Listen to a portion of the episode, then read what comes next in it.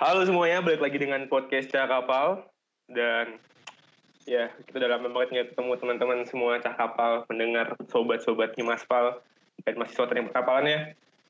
Dan seperti biasa nih kita nggak bakal sendirian lagi. Gue ditemani sama sobat gue, sobat gue. Aduh, ada Syafiq, soulmate, soulmate. Halo, soulmate, soulmate, soulmate, soulmate. Gimana, Pik? Gimana, Pik? Kabar lu gimana, Pik? Saat lebaran kan udah kelar nih. Oh, sebelumnya mohon maaf nih, minal aidin wal faizin dulu buat teman-teman yang merayakan. walaupun Amin H plus 15 Ini 15 ini H plus 15 H plus 15 ya. Nggak apa lah ya kita mengucapkan masih five Ramadan gitu ya. Nggak apa dong. Nggak Pik nggak apa kan? Ramadan banget, udah lewat padahal Ramadan. ya nggak apa Pik kan merayakan. Itu merayakan. Gue nonis tapi merayakan. Masalahnya, ya jadi bentuk merayakanmu itu gimana bis kalau nonis itu lebaran? Gue ikut makan dan dapet THR-nya aja sih ngambil THR-nya doang. Curang banget. ya mau gimana lagi? Sebenarnya gue eh itu mas itu privasi lah ya. Kita mungkin bahas tentang episode kali ini cukup mendalam pik kalau lu tahu. Di mana tahun lalu eh sebelumnya kita nggak bahas apa sih pik? Episode 8 puasa tapi nggak sholat ya? Itu Iya, karena kan vibes masih vibes Ramadan kemarin kan, makanya kita bahas itu. Tapi sekarang ini kayaknya udahlah bahas-bahas soal agama-agama. Nanti lagi kan, masa Iya. agama mulu kan ini bahas. iya serem Kalau kemarin bahas soal agama, sekarang bahas tentang manusia, ya enggak? Ush, manusia tapi by the way gimana nih ini kan kita udah akhir akhir semester lah ya lu tugas-tugas lu aman gak sama kuliah? Jadi ingetin dah soal tugas-tugas ini, pusing gua asli dah. kenapa pik Kayak, lu, lu udah gak, gimana coba, lu denger suara gua udah mulai merintih-rintih ini kan kalau bahas tugas. nggak masalah jangan ada gitu pik nggak masalah masalah emang TD lu gimana tugas desain lu gimana TD gua asli, bis, asli. Gua dapet dosen yang begitu, TD gua belum kelar sama sekali asli. Yang lainnya udah pada kelar teman-teman gua. Kayaknya nggak tahu deh gimana nih. IP kalau kalau kan kalau nggak keluar TD-nya atau nggak kelar TD-nya nilai di, di rapornya kan nggak bakal keluar kan. hmm, Gue tahu nih IP gue semester ini berapa nih. Aduh, Iya. stres gue depresi ini gue. ya boy depresi udah kayak orang gila lu Iya. santai aja kali Wajar lah orang depresi karena nilai. Lagian tiap orang tuh beda-beda bis takaran depresinya. Nggak semua orang punya mental yang kuat. Mungkin gue lemah di soal akademik nih mental gue. Cuman kalau di yang lain bisa aja gue kuat kan. Itu Si, si paling paham tentang depresi lu bang emang lu Iya, punya yeah, pikiran apa anjir Iya, daripada daripada kita bacot dan kecot kan. Nih, hmm. gue udah ada orang nih yang buat ngejelasin soal-soal kayak gini nih soal mental mental nih ya di sini ada anak-anak metal anak metal anak metal Dani ya Dani namanya udah kayak anak mental banget nih Dani anak mental Mental. gimana mana orangnya mana orangnya Oh, Oke, hai. Lagi ngomongin apa nih? Tentang mental-mental tadi. Mental apa metal? mental mental mental nih nih Dan Dani Dani nih kan tadi Bisma ngomong ya soal Hmm. kena mental gue jadi alay segala macam tapi kan itu kan hal yang wajar kan kayak gitu Hmm, kena mental. Iya, sebenarnya sekarang udah banyak banget kan ya orang yang pakai istilah kena mental. Nah, sebenarnya wajar gak sih kalau misalnya kita lagi stres akademik terus habis itu kena mental? Sebenarnya wajar-wajar aja gitu ketika kita merasa terbebani atau tertekan gitu, bis. Bukan berarti itu alay. Ih, tapi masalahnya gimana menurut gua kayaknya mental health ini terlalu berlebihan gitu apa-apa mental health apa-apa depresi emang emang apa sih maksudnya mental health tuh apa? gue nggak paham sendiri juga tentang stigma mental itu kayak gimana tuh gue nggak paham. mungkin lu bisa jelasin. Lu anak psikologi kan? Jelasin ya kasih paham kasih paham Dan. Biar dia nggak ngejudge orang lagi Oke oke. Nah iya benar. Jadi sebenarnya tentang mental health ini masih banyak banget stigma negatif di sekitar kita ya. Bahkan di di antara mahasiswa aja tuh masih banyak banget stigma negatif terkait kesehatan mental. Kayak misalnya tadi tuh em, kita lagi stres sedikit tiba-tiba bilang ah elah lebay lo gitu doang gue gitu kan. Atau misalnya ah baru segitu Adu doang nasib, gue adu gitu nasib. kan. adu nasib ya adu nasib Nasi. Iya adu Malah adu nasib nasib. tiba-tiba adu nasib ya kan? Nah makanya di situ tuh masih banyak banget orang yang akhirnya nggak menghargai perasaan satu sama lain gitu. Padahal mungkin aja apalagi nih di tengah pandemi kayak gini online mungkin mungkin tuh awalnya nggak cuma tentang stres akademik tapi ternyata ada masalah juga. Di rumahnya nggak kondusif terus akhirnya bikin capek juga gitu kan. Soalnya perasaan tiap individu kan kita nggak ada yang tahu gitu. Jadi soal mental health ini um, apa ya masih banyak banget orang yang merasa kayak Allah lebay gitu. Gitu doang lebay gitu kan. Padahal ya mungkin aja ada permasalahan yang lebih parah daripada uh, sekedar yang disaksiin doang atau yang sekedar kita lihat doang gitu. Oh iya. Tapi maksudnya Oh, apa-apa aja yang disebutin health tuh apakah stres karena tugas itu termasuk uh, penyakit atau kekurangan? Atau ya gejala mental health menurut? Hmm, oke. Nah, ketika kita ngomongin mental health itu kan kesehatan mental gitu ya. Jadi kita ngomongin terkait uh, kesehatan mental sama aja dengan kesehatan fisik. Apakah stres akademik? Sorry, uh, gue ngomongin tentang kesehatan mental dan kesehatan fisik dulu ya. Tentang apa itu kesehatan mental sebenarnya. Iya. Mm-mm. Nah, jadi terkait kesehatan mental ini banyak yang masih bingung gitu. Kenapa masih banyak stigma negatif? Karena orang masih belum masih belum terbiasa gitu ketika kita ngomongin tentang kesehatan mental. Padahal kesehatan mental tuh sama aja sama kayak kesehatan fisik gitu. Ketika ketika lo uh, sakit, lo perlu diobatin gitu kan. Hmm. Sorry. Jadi ketika lo sakit, lo perlu diobatin gitu. Nah, terus apakah stres akademik itu termasuk eh, salah satu gangguan kesehatan mental gitu ya? Nah, sebenarnya mirip aja kayak kesehatan. gue balikin lagi ke kesehatan fisik tadi gitu. Misalnya ketika stres, stres itu kan salah satu salah satu indikatornya adalah kita pusing, tertekan gitu kan. Tapi sebenarnya belum bisa dibilang penyakit karena stres itu adalah bagian dari hidup kita. Sama aja kayak misalnya lo ngomongin pusing. Biasanya kan kalau misalnya lo lagi kerja sesuatu atau lagi capek, itu sering pusing kan. Iya. Gitu. Ada nggak sih penyakit pusing kalau kesehatan mental? Nah. Nah, kalau eh kalau sorry, kalau kesehatan fisik tuh Iya, biasanya nggak ada nggak ada istilah penyakit pusing kan. Adanya kalau misalnya Hmm, iya. migrain gitu habis itu demam gitu kan. Pusing jadi salah satu indikator dari migrain, demam Hmm. gitu. Nah, kesehatan mental juga ketika kita pengen ngomongin terkait apakah itu gangguan kesehatan mental, kita lihat dulu nih em, sudah mengganggu belum atau sudah bisa eh, sudah sudah kayak misalnya stres doang itu nggak bisa dibilang tentang nggak bisa dibilang kalau itu gangguan kesehatan mental karena Hmm. stres itu jadi salah satu indikator gangguan kesehatan mental tapi bukan berarti itu gangguan kesehatan mental bukan gangguan stres gitu. Tapi uh, Oh. misalnya kayak mm-mm, jadi lebih spesifik lagi ketika kita ngomongin tentang uh, stres ini menyebabkan gue yang cemas misalnya. Nah baru gangguan kecemasan gitu. Nah itu baru Iya, ada gangguan gangguannya. Iya. gitu. Jadi kayak Oh. kayak baru itu kita bisa bilang gangguan kesehatan mental. Tapi kalau kita ngomong stres doang terus jadi gangguan itu sebenarnya nggak bisa langsung dijudge itu sebagai gangguan sih gitu. Nggak boleh self kalau salah ya? Berarti kalau di kasus gue yang tadi yang gue kayak stres karena tugas berat pikiran gitu. Itu berarti masih belum dikatakan kena mental.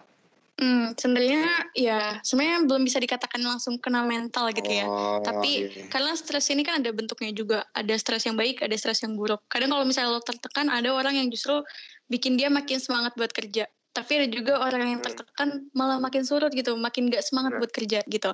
Nah, ketika udah udah mengganggu aktivitas, ketika lo udah kesulitan buat akhirnya buat kerja lagi gitu, itu baru lo bisa bilang kalau itu lo terganggu atau kena mental gitu. Karena Nah, Nah, Nah.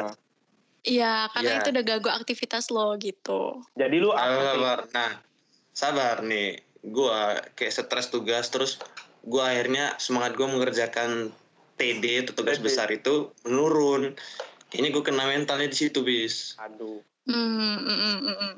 Berarti Nah, kena mental gitu, kan? Mm, mm, mm, mm. Bisa, Nah, bisa, itu Oh, makanya kayak gitu. bis. Oh, benar gitu- berarti gue udah kena mental gue masalahnya gara-gara TD nih. ya udah ya udah maaf Pik. maaf tapi gue nanya Ya, nah kalau gitu tuh masuk wajar nggak sebenarnya apakah itu berlebihan atau wajar aja orang bisa kayak gitu Oke, oke. Sebenarnya lo pernah ngerasain juga nggak sih, bis kayak misalnya tadi kan kalau Syafiq kan dia kena mental gara-gara kebanyakan tugas, terus habis itu kayak capek kerjain tugas jadi udah nggak tahu nih ngerjain apaan sih, apa yang gue dapet juga, terus gue nggak tahu masukin tugas ini mau ngapain lagi gitu. Iya. Lo pernah ngerasain Gila, hal kayak bener, gitu gak bener sih? banget, bener banget, bener banget. Bener kalau banget. gue pernah tapi masalah cewek Apa tuh? Nah. Health, mental health, gue nggak tahu. Gue nggak tahu tuh. Nah, iya jadi kalau misalnya sebenarnya ya wajar lah gitu ketika eh Syafiq ini kayak udah kesulitan buat ngejalanin aktivitasnya lagi, buat ngelanjutin aktivitasnya lagi gitu. Apalagi mahasiswa, belum lagi tuntutannya banyak banget. Apalagi kita udah masuk kalau misalnya gue bawa ilmu psik- psikologi sedikit, kita udah masuk ke tahap perkembangan yang intimacy versus isolation. Belum kita harus kayak udah Iya, jadi kayak udah lo tuh sebenarnya di umur 20 tahunan tuh lo harusnya udah punya pasangan deket gitu. Jadi kayak tugas lo itu adalah salah satunya nyari pasangan gitu. Jadi tuntutan-tuntutan yang semakin banyak, semakin lo dewasa gitu, itu yang bikin lo sebenarnya wajar-wajar aja ketika lo kena mental dan akhirnya lo kayak butuh bantuan gitu ketika lo kesulitan buat nyikapin emosi lo gitu. Oke oke. Oh, ya udah, ya, maaf maaf, Terus- maaf maaf. Terus Ya, sama, salah. sama ini nih, ada ada kasus gini juga dan dan misalkan nih ada orang nih ya, kita ngomongin permasalahan kita sebagai anak muda lah ngarah-ngarah Oke. ke arah asmara nih asmara nih. Oh, ya udah silakan sok Kan sok. gue pengen nanya nih, gue pengen nanya kayak misalkan nih eh, sebagai cowok kayak dia udah males ngedeketin cewek lagi ya- atau kayak udah males atau udah lupa gitu loh dengan cara PDKT itu kira-kira faktor terbesarnya gara-gara apa? Maksudnya Oh, ma- kayak Mhm. ya maksudnya kayak eh, misalkan nih dia udah males lah ya kasarnya udah males nih udah, udah kenalan sama orang baru gitu apakah itu bisa dikatain mental health juga yang kena Hmm, oke. Sebenarnya kalau udah males, itu kalau misalnya permasalahan yang sifatnya personal, itu banyak banget rangkaiannya gitu. Kita harus tahu awalnya gimana, kenapa bisa kayak gitu, gitu kan. Nah, cuma kita bisa bilang itu udah terganggu ketika lo itu udah merasa ini udah mengganggu aktivitas lo gitu. Jadi kayak ketika lo pengen kenalan sama orang baru, itu lo kayak tiba-tiba pas baru mulai kenalan nih, pas baru kenal, mulai kenalan tiba-tiba udah deg-degan gitu ah udahlah nggak nggak kuat lah gue nggak kuat buat lanjut kenalan gitu itu kan udah mengganggu banget kan akhirnya susah buat lanjut ke Iya. tahap selanjutnya gitu nggak pokoknya kuat nggak kuat. iya jadi pokoknya kalau misalnya lo udah eh, udah ngalamin udah takut sama sesuatu sampai itu mengganggu aktivitas lo bahkan udah mengganggu juga proses misalnya proses pendekatan lo padahal lo harusnya sekarang udah masuk ke tahap lo deket sama orang sama lawan jenis misalnya kayak gitu punya pasangan Iya. misalnya kayak gitu nah tapi ketika itu mengganggu aktivitas lo bikin lo kayak bener-bener udahlah gue pengen mengisolasikan diri aja gue gak mau deket sama gak mau punya hubungan yang terlalu erat sama orang lain gitu dan itu udah kayak udah bikin lo nggak nyaman itu baru terganggu gitu. Oh berarti kalau belum jadi nolak belum belum kena mental ya berarti? Lab. Nggak gitu. nggak nge-lab juga. Bisa aja orang yang bisa aja orang yang punya lab ya. Yes Tuh. lab. Iya, iya itulah kayak ya yang punya hidup tapi ini juga ternyata di balik senyumannya anjay. Dia yang ternyata senyum-senyum tapi punya permasalahan di baliknya gitu. Jadi kayak Kayak aduh gue, pertanyaan gue ya. eh siapa tahu Nah, ini, ini, ini pertanyaan yang Kalau bisa, pertanyaan. apa ya apa lagi nggak bisa kalau lu mah orang baik yang tersakiti bis. Terima kasih. Gue masuk soal dokter soal ini. Gue mau nanya ini. Nih, Hmm. sebenarnya belakangan ini kan kita tahu lah kita pandemik ya. Dan ada satu aplikasi ini out of topic dikit ya. Ini satu aplikasi yang naik banget nih, yaitu TikTok. Ya, semua orang tahu sih. Hmm, hmm, hmm. Nah, pandemik ini. Nah, di TikTok sendiri, gue sering banget nih ngeliat ada orang-orang yang ngaku dia adalah ini paling paling seringnya health yang namanya bipolar. Nah, itu itu apa sih bipolar tuh? Hmm, oke. Banyak ya yang aku bipolar. Jadi sebenarnya bipolar tuh memang tergolong banyak ya orang di Indonesia yang udah teridentifikasi bipolar, tapi akhirnya banyak juga yang self diagnose bipolar karena bipolar dia tuh. Ya karena bipolar ini ciri-cirinya deket banget sama kita gitu. Jadi ciri-ciri dari bipolar ini adalah eh, perubahan mood yang sangat-sangat ekstrim. Kayak misalnya sekarang lo lagi seneng nih, lagi seneng banget sampai saking senangnya lo tuh suka buang-buang uang. Ah gue pengen beli ini, gue pengen beli itu, misalnya kayak gitu kan. Gue nggak punya. Iya, jadi kayak sangat super-super seneng gitu kan. Terus tapi beberapa saat kemudian, hitungan detik, hitungan menit, ya hitungan menit bahkan hitungan detik dia langsung tiba-tiba sedih kayak kenapa gue kayak gini ya? Gitu kayak kenapa hidup gue kayak gini? Gue pengen mati aja gitu. Dan itu sangat sangat ekstrim. Jadi senangnya tuh seneng banget sampai kayak lo ketawa-ketawa terus terus habis itu lo kayak uh, ngelakuin sesuatu yang gak dipikirin jangka panjangnya lagi gitu. Tapi hmm. beberapa saat kemudian langsung ekstrim perubahannya menurun lo langsung kayak ah gue pengen mati aja gitu. Kayak Berarti... kenapa gue hidup? Gitu Berarti kayak bener-bener anjlok banget gitu ya moodnya dari dia yang seneng jadinya kayak mau bunuh diri gitu. Mm iya, jadi perubahan kayak, mood yang ekstrim.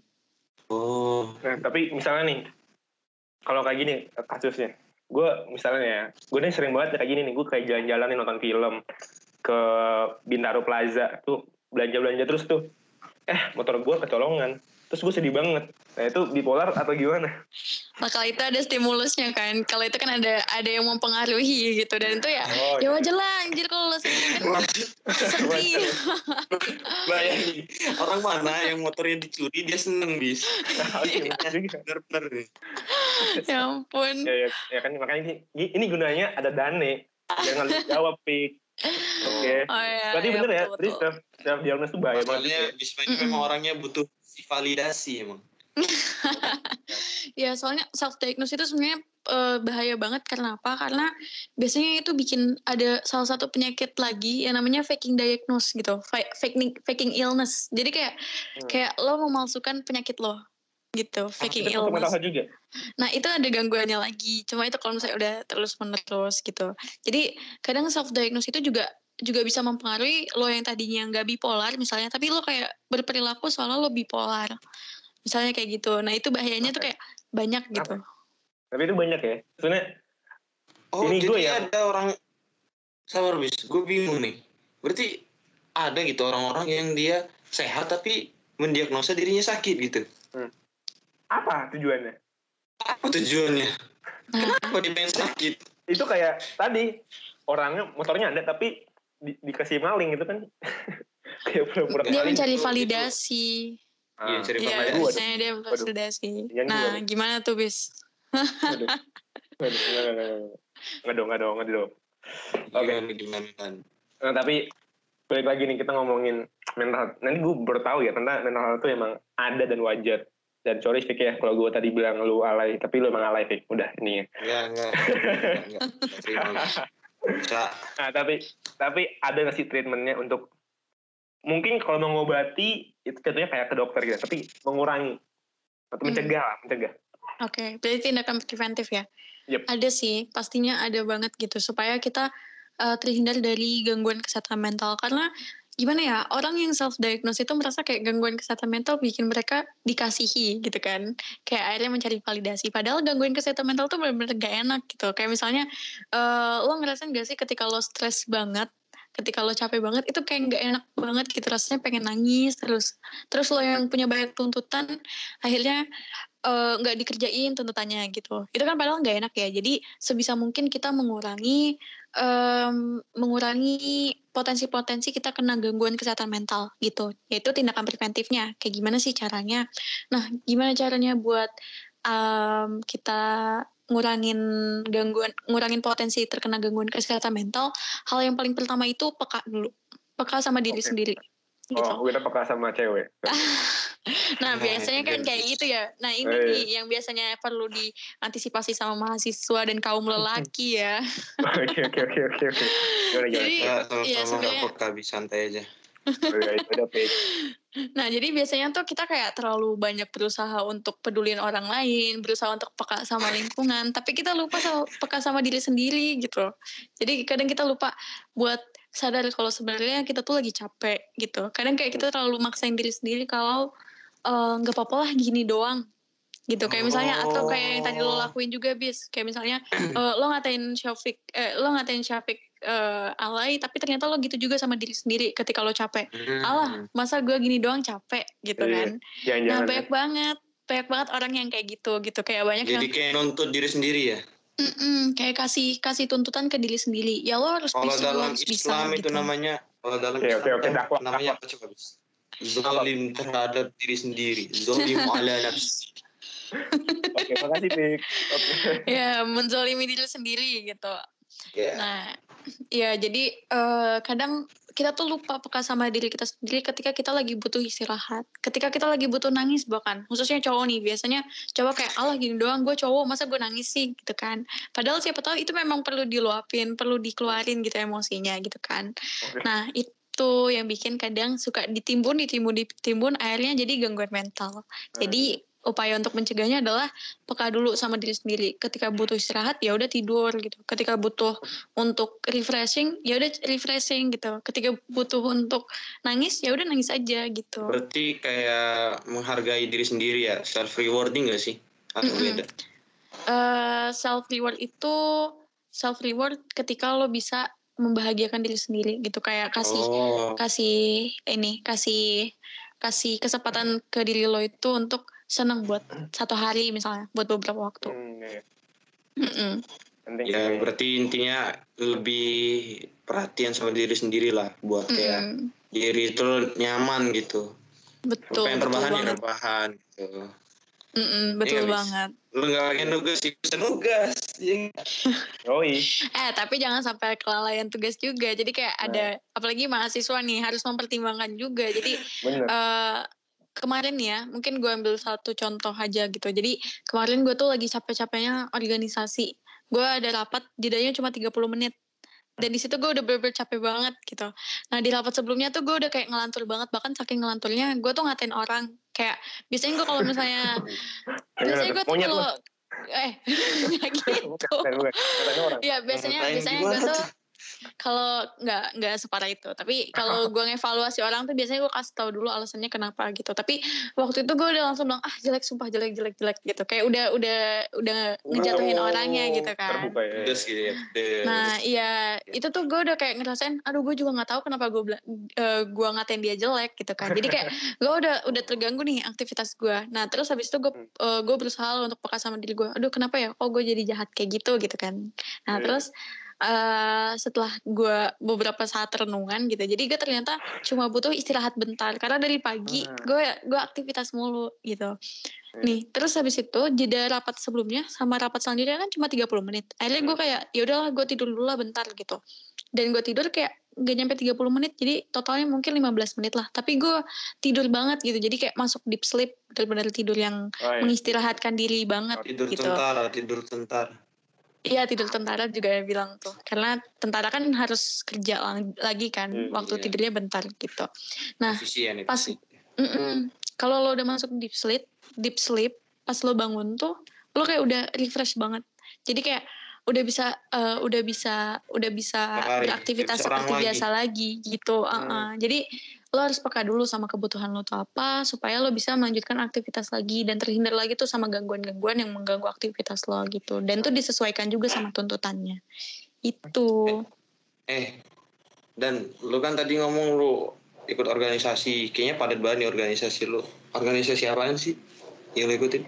Ah, oke. Gue Oke, ya, oke. Ini kita pengen tahu nih. Boleh kan Kita nih, boleh kan tanya. dulu ya, kita ngebahas Dania dulu nih. Kita jalan Ah, kayak soalnya kan kayak kering gitu kalau nggak tahu kita. Ah, Oke, oke. Sebenarnya organisasi gue tuh ke semuanya tentang mental health sih. Jadi kayak semuanya, semuanya tuh segala hal yang terkait kesehatan mental itu organisasi gue. Yang pertama ada sekarang gue tergabung di BEM Undip di bidang Kesma, divisinya mental empowerment sebagai kepala divisi mental empowerment. Ada. Tuh. Iya baru. Oh my god. Oh iya. Iya Oh baru. baru. Lu tahu itu berarti divisi divisi yang nanganin kena mental apa gimana tuh? Iya, kena mental doang apa gimana? Oh, hmm, sebenarnya bisa dibilang kayak gitu. Tapi ini tuh lebih ke kalau kalian tahu nih, kan kalian mahasiswa Undip juga.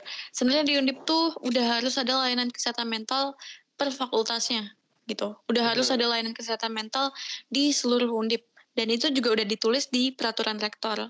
Nah, tapi Oh, iya. belum terrealisasikan gitu Ah, kan. iya, Dari iya. tahun Biasa, 2020 biasa. tuh belum terrealisasikan. Makanya ada divisi baru nih mental empowerment buat eh, memberdayakan tuh kesehatan mental yang ada di Undip. Karena ya kalau misalnya kita ngomongin tentang kebutuhan Undip sendiri kan pengen ngebawa Undip jadi eh, kampus 500 besar dunia ya. Nah, kalau misalnya pengen Amin, amin.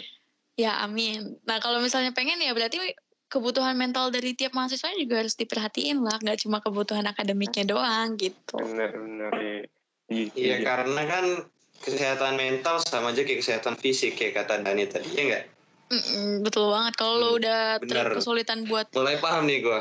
Ma- Bener kan bis? Berarti gak salah kita bawa orang bis buat ngobrol. Iya, sini. nggak nggak salah, gue salah. Sorry, sorry, sorry, maaf. Nah, tapi jadi ini nih, malu. A- ah, jadi malu. jadi malu. Oke, jadi gini, kami gua- malu-maluin. Gue baru tahu ya, gue baru tahu ada, ternyata di Kesma ada baru nih, di Kesma Unit kan ya, tahun ini ada Mm. divisi mental empowerment itu sebenarnya prokernya apa sih, proker utamanya? Apakah ada psikolognya atau Hmm. gimana? Oke, untuk proker utamanya itu ada dua sebenarnya. Proker- Kalau proker yang sampingannya, maksudnya proker bukan sampingan sih ya, lebih ke pengiring ke proker utama. Jadi Hmm. untuk prokernya itu ada mental empowerment corner, jadi pencerdasan terkait kesehatan mental sama kondisi kesehatan mental yang ada di Undip. Terus habis itu ada eh, merangkul komunitas. Jadi komunitas-komunitas kesehatan mental yang ada di Undip atau yang dipeloporin sama mahasiswa Undip juga tuh itu buat kayak memasifkan lagi nih terkait kesehatan mental gitu. Terus habis itu nih core, eh, core point-nya itu ada dua. Yang pertama ada bimbingan fasilitator. Jadi eh kayak ngelatih kasih pelatihan ke mahasiswa Hmm. Undip yang akan terlibat nanti buat jadi fasilitator kesehatan mental. Jadi kayak misalnya Bisma nih tertarik sama isu kesehatan mental di Undip dan pengen ngebantu mahasiswa Undip gitu. Nah di sini ada pelatihan fasilitator yaitu ya pelatihan yang ngasih eh, ngebantu mahasiswa Undip untuk tahu nih teknik-teknik buat mendengarkan tuh seperti apa sih gitu. Teknik-teknik untuk menghargai orang atau menerima keluh kesah orang tuh seperti apa sih gitu. Berarti Nah, itu terus- Berarti ya Hmm. ada eh, berarti ada platform-platformnya gitu atau gimana? Hmm, kalau platformnya sekarang belum disetujuin ya sama BEM Undip. Maksudnya belum ada follow up lebih lanjut. Jadi kalau sekarang masih pakai BEM Undip sendiri sama mengandalkan Verkesma dan eh, relasi sama mahasiswa-mahasiswa di Undip gitu. Sama Kesma Undip gitu. Eh. Wah. Tapi itu berarti ada oprek tuh dari bekal orang-orang yang Mm-mm. pengen jadi membantu gitu. Bakal, bakal ada. dong. Bakal. Ditunggu Kayak gue ya. pengen ngebantu sih. Soalnya Syafiq kasihan banget. Gue nggak nggak tega ngeliat temen-temen gue kayak Syafiq gini. Stres, ngeri gitu kan. Ya, mau Enggak ditunggu bener, ya. Udah nggak udah nggak beres koordinasi mental ini. Nah, tadi kan ada gini, Pik. Ada hal yang memicu dan hal yang harus lo lakuin buat meredam mental health. Nah, lu lu apa, Pik? Yang kira-kira yang harus lo lakuin buat meredam itu, Pik? Entah lu nyari cewek atau lu ngerjain tugas sampai kelar dulu nih. Atau tidur. Kayaknya yang harus gue lakuin gue harus mengerti diri gue dulu anjay kayak yang dibilang tadi Oke. gue gue harus peka dulu sama diri gue nih kan gue ini butuhnya apa sih kayaknya kalau gue butuhnya apa coba butuhnya gue ngerjain tugas dulu kayak Tapi tapi di- dikerjain, Pik. Ntar lagi udah dikumpul TD. Ini udah topik. Ini Dani nggak ngerti kayak TD itu apa. Iya, Apa itu, nggak ada soalnya. Iya, tadi nggak itu. ada. jadi itu tugas besar. kalau di psikolog nggak ada tugas besar ya? Apa ada tugas kecil? Oh, Eh, gak tahu ya istilah-istilah kayaknya tugas besar tuh ada. Kayak misalnya tugas-tugas yang yang jadi core pointnya dari psikologi tuh ada. Cuma nggak tahu istilahnya tuh nggak nggak TD gitu. Oh. Ya beda beda beda. Beda beda. Udah. Tapi ini balik lagi nih kita ngomongin itu ya itu masalah tadi lah ya. Ini ngomongin komunitas. Tadi kan lu Kesma BEM Undip nih divisi mental health bakal merangkul komunitas yang ada di Undip yang bisa oh iya tuh berkontribusi kan kepada tadi ada omongan gitu tuh ada Nah. omongan komunitas komunitas gitu kan barangkali gue bisa ikut tuh orang-orang yang kena mental komunitas orang kena mental Komunitas Ini buat, ini buat sendiri aja. KOK KOK KOK, KOK. Nah itu apa tuh? Apa aja sih? Hmm, Oke, komunitas-komunitas yang ada di Undip tuh sebenarnya sekarang lagi eh, lagi berjalan juga ya, gitu. Dan kebetulan gue juga tergabung di sini. Komunitas kesehatan mental itu ada gerakan sehat mental Undip. Kalau yang di Undip, nah kalau kalian belum tahu, Oh GSM GSM ya? itu GSM ya? Mm-mm, betul GSM. Nah jadi GSM tuh kayak ya ngebantu ngebuka diskusi lah buat teman-teman yang punya permasalahan terkait bukan punya permasalahan tapi lebih ke kalau misalnya punya pendapat opini terkait kesehatan mental tertarik sama isu kesehatan mental di sini ada ruang diskusi buat kita ngomongin tergantung tema yang diangkat. Kayak misalnya ini ini spoiler buat yang dengerin doang.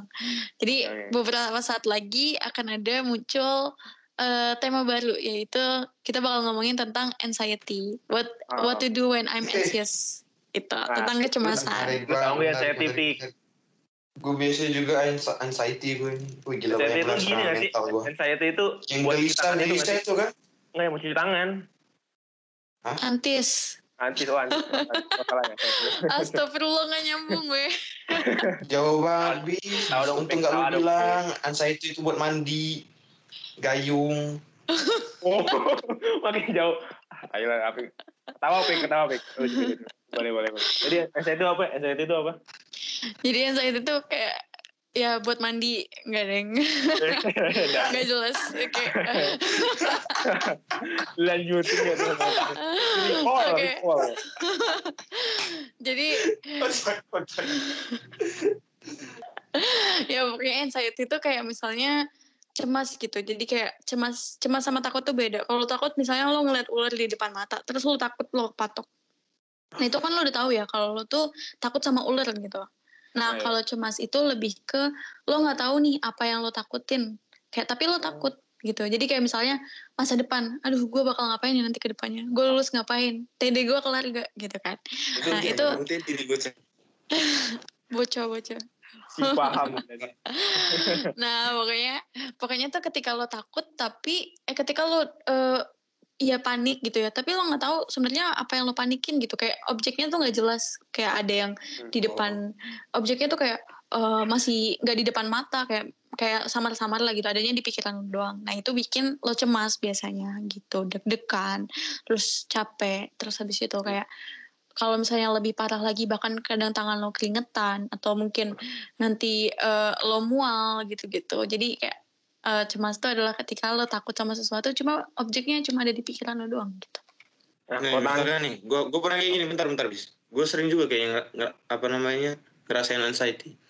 Nih misalkan nih, gue nongkrong nih, lagi nongkrong, lagi ngobrol-ngobrol, terus gue kayak kalau lagi pada diem-diem, gue kayak gelisah gitu.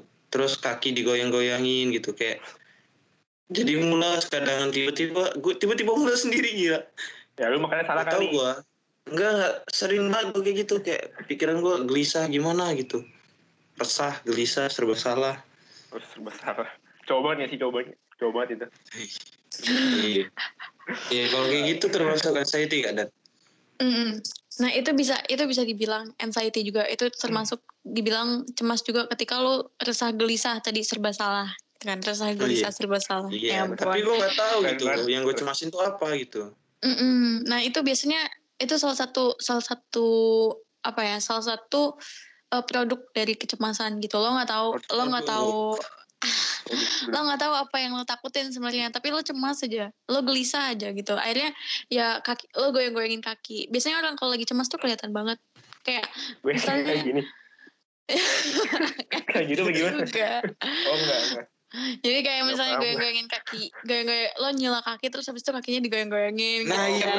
bener Kalau kita jogging. iya Gitu Gue gak jelas sih ngomongnya. Nah, jadi kayak ya kadang kayak sebenarnya itu reaksi tubuh lo gitu ketika lo kayak berusaha untuk eh, ngurangin ketegangan yang ada di badan lo. Akhirnya badan lo Nah, kayak iya, ya udah tegang. Kadang kayak gitu kayak Mm-mm. gak tahu gue kayak kayak lagi ujian padahal gue gak ngapa-ngapain gitu. Iya begitu. Kayak nuansa nuansa di kepala gue tuh kayak gue tuh deg-degan mau Nuansa. ngadepin Iya, maksudnya kayak suasana hati gue Iya, lah. iya, iya. iya. Ya kayak mau ngadepin ujian gitu loh kayak wawancara atau ujian apa gitu yang gue nggak siap materinya makanya gue deg-degan kayak gitu suasananya Nah, tapi nggak ngapa-ngapa insecure itu masuk anxiety nggak? Pertanyaan insecure menarik. bahas Insecure. udah insecure ini Kadang-kadang insecure, Oh. orang-orang insecure sama dia tapi muka gue lebih ganteng dari dia, tapi gue insecure gitu.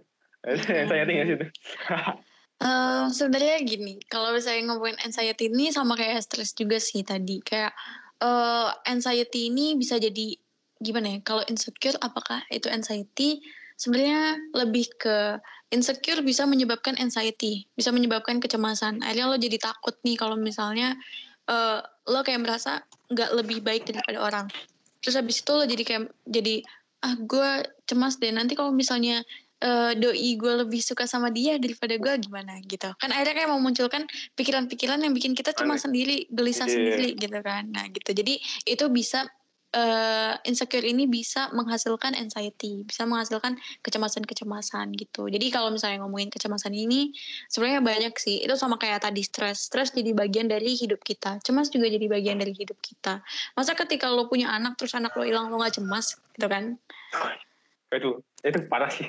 Gitu. Jadi, jadi ya sebenarnya itu adalah ada beberapa bagian dari hidup kita yang ya memang memang kadang memberatkan. Cuma kalau misalnya udah sampai mengganggu baru deh itu kita bisa butuh bantuan mungkin. Kayak uh, terganggu gitu. Uh, kalau misalnya udah mengganggu aktivitas ya berarti kita udah bisa bilang itu gangguan kesehatan mental gitu. Dan kita lagi butuh bantuan gitu. Oke. Okay.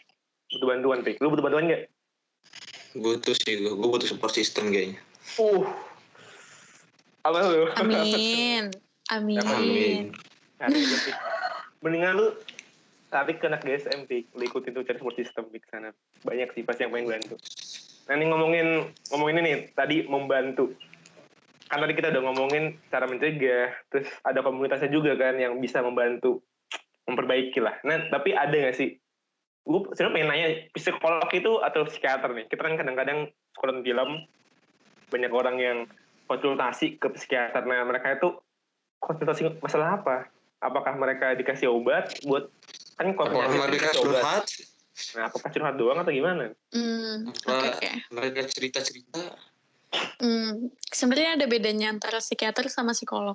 Oh, okay, Kalau psikolog itu itu yang jurusan psikologi dan lulusan dari psikologi gitu. Terus habis oh. itu ah. lanjut ke S2, ambil sertifikasi baru jadi psikolog.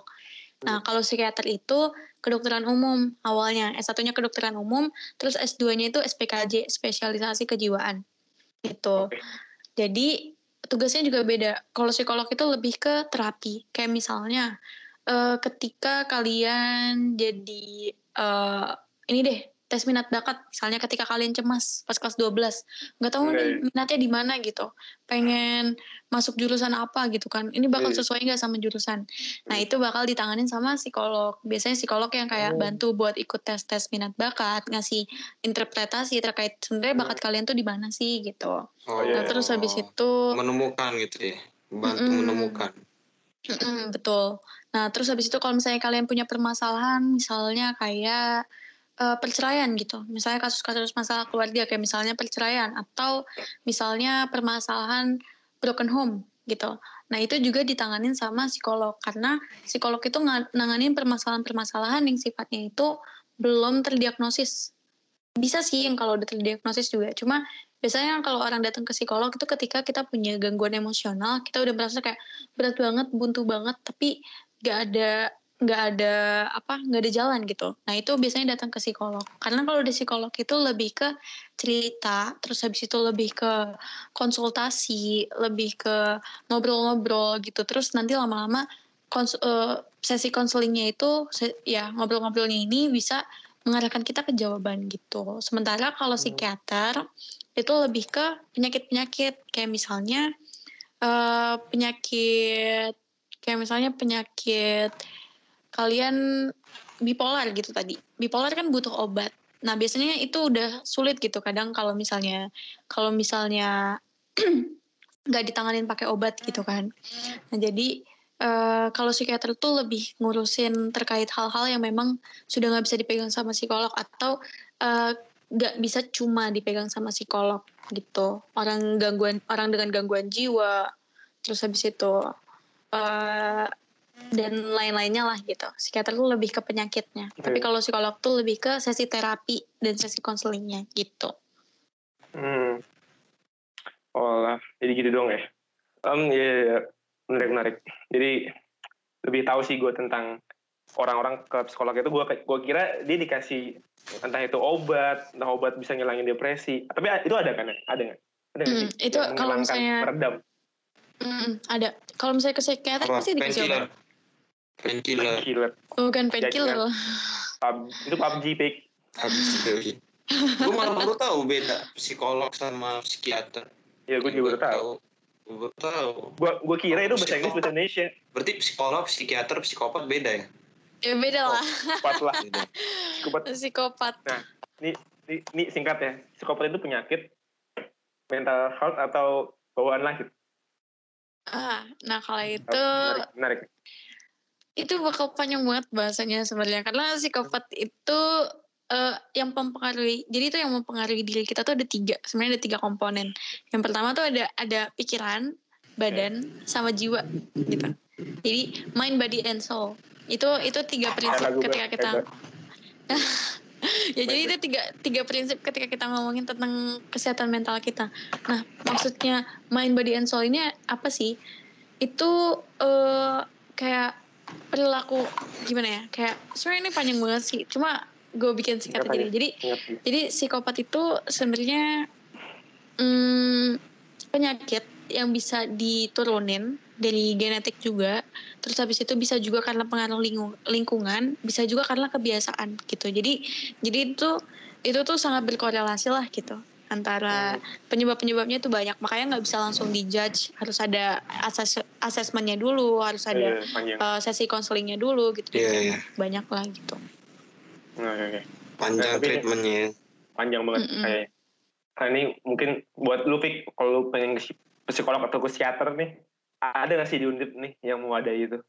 Yang profesional hmm, ya oke. Okay. sebenarnya layanan profesional tuh udah ada uh, kalau di Undip itu yang sekarang sebenarnya yang tadi gue bilang sih BKMF Badan Konsultasi Mahasiswa Fakultas hmm. di seluruh fakultas itu sebenarnya harusnya udah ada cuma belum terrealisasikan jadi hmm. yang sekarang itu belum aktif gitu yang baru aktif tuh di psikologi ada BKMF psikologi. Nah BKMF psikologi ini tapi belum di tengah online ini juga berhenti beroperasi jadinya lebih ke uh, eh, GSM sama kita teman cerita gitu. Hmm.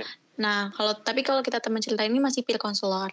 Nah, kalau misalnya mau layanan yang profesional dari profesional psikolog, itu ada jasa psikologi atau jasi jasi dari psikologi undip. Nah, itu yang ah. menangani itu ya yang menangani itu uh, dosen-dosen psikologi undip. Jadi ah. psikolog-psikolog psikolog-psikolog yang udah tersertifikasi psikolog itu ada jasa psikologi. Jadi kalau misalnya teman-teman punya permasalahan dan butuh untuk konsultasi ke profesional, itu bisa banget datang ke jasa psikologi selama BKMF belum realisasi uh, belum buka ya gitu ya mm -mm. tapi sayangnya nih bes kalau jasa psikologi itu masih berbayar jadi belum gratis oh, iya. gitu hmm. jadi masih uh, berbayar untuk mahasiswa tuh kalau nggak salah seratus ribu terus kalau non mahasiswa itu 150-an gitu ya, jadi buat buat lu Fik, kalau teman-teman yang lain yang dengar juga misalnya butuh nih ya konseling kayak gini kalau ada duit lebih bisa coba. Tapi kalau nggak punya duit mm. jangan dipaksa atau mah tambah stres ya sih? Tambah depresi malah pikir duit duit nggak ada duit. Oke. Okay. oke okay, mm. mungkin menarik ya semuanya udah jelas. Sebelum maaf banget nih pik ya. Gue tadi ngejas lu pik. Lu bilang gue gue bilang lu alay ya nanti gue terakhir deh biar biar lo nggak depresi lagi. Itu masuk terus gue gimana? kalau nggak sih? Gue nggak ditraktir ya Dani gue traktir juga nanti kalau kita ke Balang ya.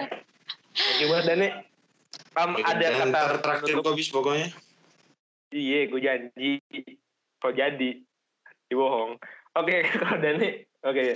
Dani ada Sangat penutup, dipercaya. ada kesimpulan atau hmm, entah. Kalau dari gue sih lebih ke buat kita sama-sama bantu mengurangi stigma terka terkait kesehatan mental mungkin bisa dibantu dengan cara kita awas dulu nih terhadap pentingnya kesehatan mental. Mungkin awasnya nggak usah nggak usah yang muluk-muluk langsung peka sama teman sendiri gitu ya.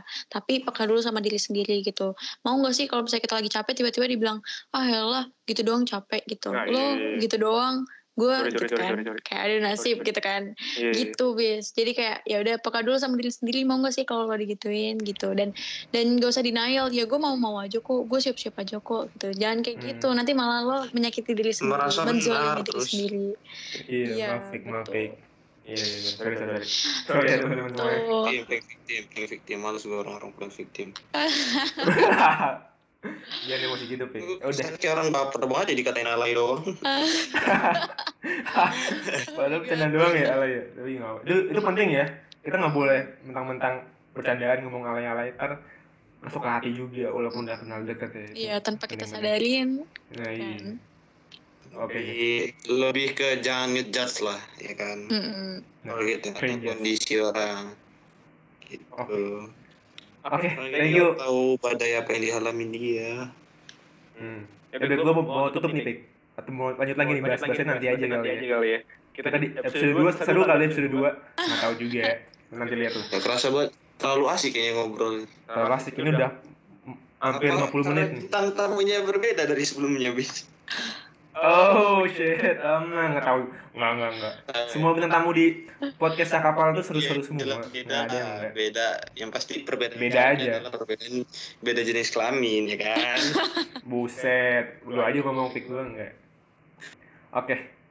Mungkin gitu ya. Tadi juga teman-teman udah dengar juga ternyata di BEM Undip sendiri ada beberapa komunitas, ada skater juga dan tadi lu dan ini termasuk dalam divisi mental empowerment di BEM Undip juga ya. Itu divisi yang baru. Nah, mungkin teman-teman yang belum terekspos tentang divisi ini as terima kasih udah dengar dan tahu juga akhirnya nanti bisa nih ada proker terbaru yaitu oprek buat orang yang ingin mendengarkan cerita gitu ya intinya ya. Mhm. Oke oke oke. Thank you Dane udah mau nemenin kita, udah mau bantuin Syafiq menjelaskan ke gua bahwa mental health itu berasa normal. Berasa konsultasi gua. Berarti udah baik kan Fik sekarang Fik? Iya. Udah baik kan ya? Setelah ngobrol-ngobrol ini, yang gue lakuin selanjutnya adalah Menangis. rebahan. Menangis. Kenapa? Kenapa harus menangis, saudara? Ngapain saya menangis? Sesungguhan di pojok kamar gitu menangis. Ya Allah, aku bayangkanlah diriku. ya ya. Thank you Dana ya. Aku aku menangis di hadapan Tuhan aja udah. Iya. Serem banget. Oke. Thank you Dane udah mau hadir. Thank you Syafiq. Dan teman-teman jangan lupa pantengin terus podcast Cakapal buat episode selanjutnya kita bakal ngundang narasumber dan ngebahas topik yang, Yang pastinya menarik. nggak kalah seru Syafiq. ya kan, Bener banget. Yoi. Antenya itu kalau di Instagram itu di mana bis? Eh Mas Pal underscore undip. Nah, kalau di Spotify-nya di podcast Cakapal. Nah, Ya enggak Dan. Makasih banget nih Dan lu udah datang nih. Udah ngobrol-ngobrol sama orang-orang banget. kayak kita yang nggak jelas. Makasih banget juga udah dikasih kesempatan ya Syafiq sama Bisma. Oke. Thank you. Oke. Dan sampai jumpa di episode selanjutnya. Bye bye. Ya. Jangan lupa. Terima kasih.